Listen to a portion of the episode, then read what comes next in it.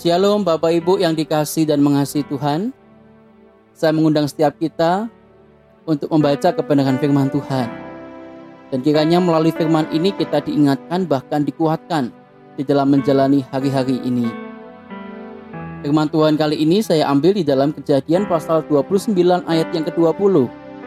Kejadian pasal 29 ayat 20 demikianlah firman Tuhan. Jadi bekerjalah Yakub tujuh tahun lamanya untuk mendapat Rahel itu.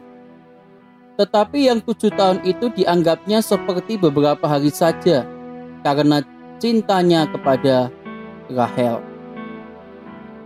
Bapak Ibu yang dikasih dan mengasihi Tuhan, kalau saya katakan sebuah kata, silakan Bapak Ibu Saudara memikirkan apa yang ada di dalam pikiran saudara.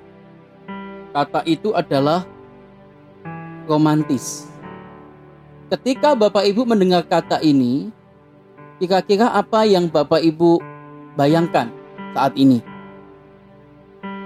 Apakah Bapak Ibu membayangkan bahwa kata romantis itu seperti makan malam di restoran mahal, di bawah cahaya lilin, dan iringan piano yang membawakan lagu-lagu cinta dan berirama romantis? Apakah saat ini Bapak Ibu memikirkan kata romantis itu adalah untayan kata-kata indah tentang cinta kepada seseorang?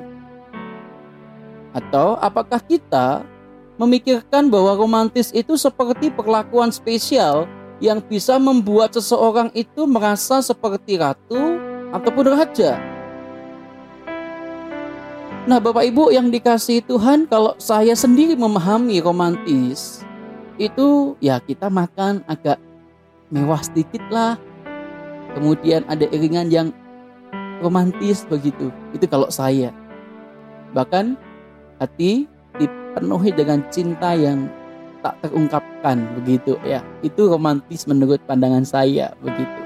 Namun Bapak Ibu yang dikasih Tuhan di tengah kisah hidup nenek moyang bangsa Israel yang begitu penuh perjuangan kita tahu ya, bangsa Israel sungguh sangat berjuang di dalam masa-masa saat itu begitu.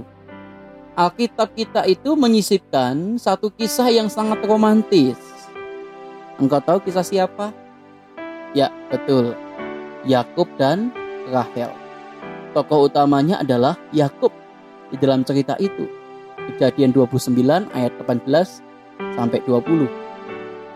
Di dalam kejadian 29 ayat 18 sampai 20 menceritakan bagaimana Yakub begitu mencintai Rahel, Bapak Ibu.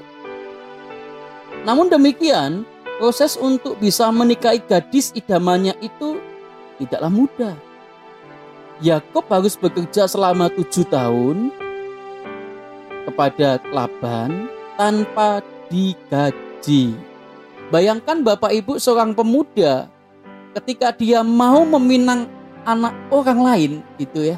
Kemudian dia harus bekerja kepada calon mertuanya itu tujuh tahun tanpa gaji. Kalau dalam zaman sekarang rasanya berat sekali ya.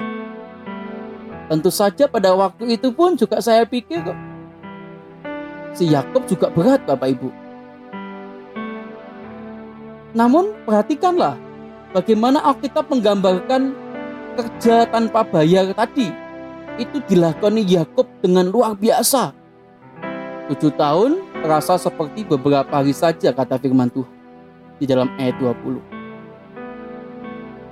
Mengapa Yakub bisa melakukannya Bapak Ibu? Itulah yang menjadi juga pertanyaan saya waktu saya mempersiapkan renungan ini. Kenapa Yakub itu bisa tahan tujuh tahun bekerja kepada mertuanya, gitu. calon mertua lah katakanlah begitu, tanpa digaji? Ya, tentu saja alasan yang paling tepat untuk itu adalah karena Yakub begitu mencintai Rahel. Betapa romantis kisah cinta Yakub dan Rahel ini, Bapak Ibu. Namun kisah ini tidak berhenti di situ loh. Ketika Yakub sudah menunaikan tugasnya, dia sudah bekerja selama tujuh tahun lamanya, ia pun masih harus menerima kenyataan bahwa ia telah ditipu Laban. Ia harus menikahi Lea yang tidak dicintainya lebih dulu. Dan meski kemudian Laban memang memberikan Rahel kepada Yakub untuk menjadi istrinya, Laban pun meminta Yakub untuk berjanji akan bekerja gratis tujuh tahun lagi. Wow, luar biasa bukan? Apakah cerita itu selesai sampai di situ? Tidak, Bapak Ibu. Setelah memperistri Rahel, mereka menikah begitu.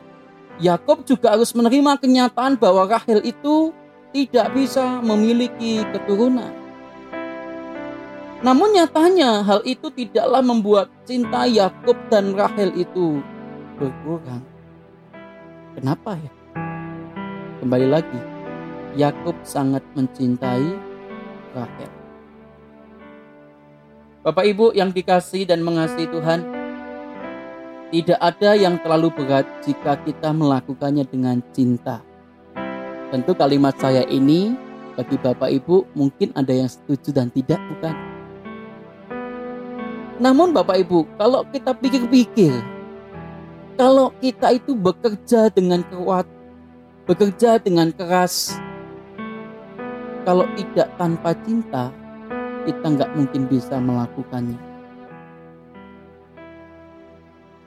Masalah, kekurangan, kesulitan tidak akan terasa jika kita memandangnya dengan cinta. Jika kita melakukannya dengan cinta.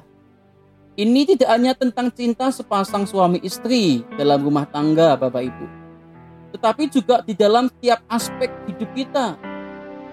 Kita pun tidak pernah mengeluh harus bekerja siang dan malam selama untuk keluarga tercinta. Kita tidak akan berhenti mengasihi anak kita meski ia tidak sepintar kita atau tidak sepintar anak-anak yang lain. Kita pun juga tidak pernah putus asa saat menghadapi tantangan dalam pelayanan kan?